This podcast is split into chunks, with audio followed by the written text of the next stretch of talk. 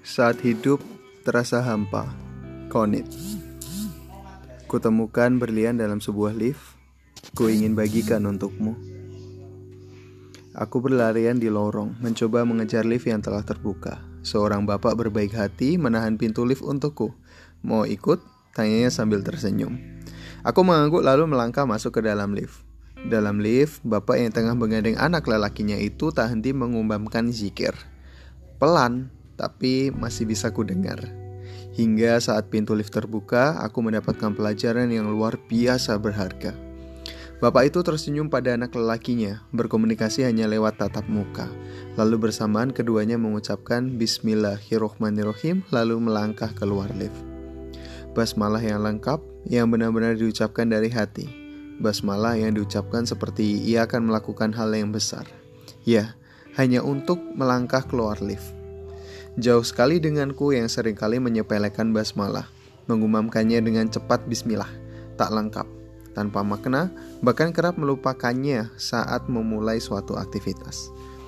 Di saat banyak orang yang melalui hari-harinya dengan kehampaan, tanpa makna, tanpa melibatkan Allah, atau bahkan penuh gerutu, Bapak itu melafalkan basmalah secara lengkap dan penuh penghayatan, hanya untuk hal remeh-temeh melangkah keluar lift. Ia memberi makna pada aktivitas yang biasa, ia melibatkan Allah dalam tiap detik kehidupannya. Dalam sekecil apa pun, laku perbuatannya.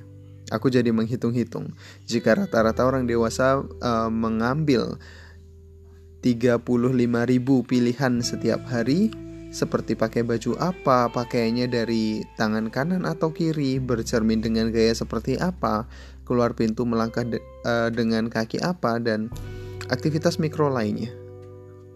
Jika uh, ribu saja di antaranya kita mulai dengan basmalah, maka ribuan kali kita mengingat dan menyertakan Allah dalam kehidupan. Ribuan kali kita mendapat kebaikan dan pahala dalam satu hari. Bagaimana jika kebiasaan ini uh, kita lakukan selama setahun, belasan tahun, atau mungkin puluhan tahun?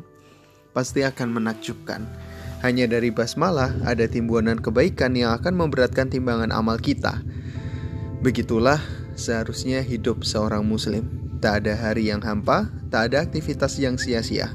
Semua hal sekecil apa pun bisa jadi luar biasa dan penuh makna. Bagaimana tidak luar biasa? Ada Allah uh, ada Allah dalam setiap helaan napas kita. Dengan menyebut nama Allah, yang Maha Pengasih lagi Maha Penyayang.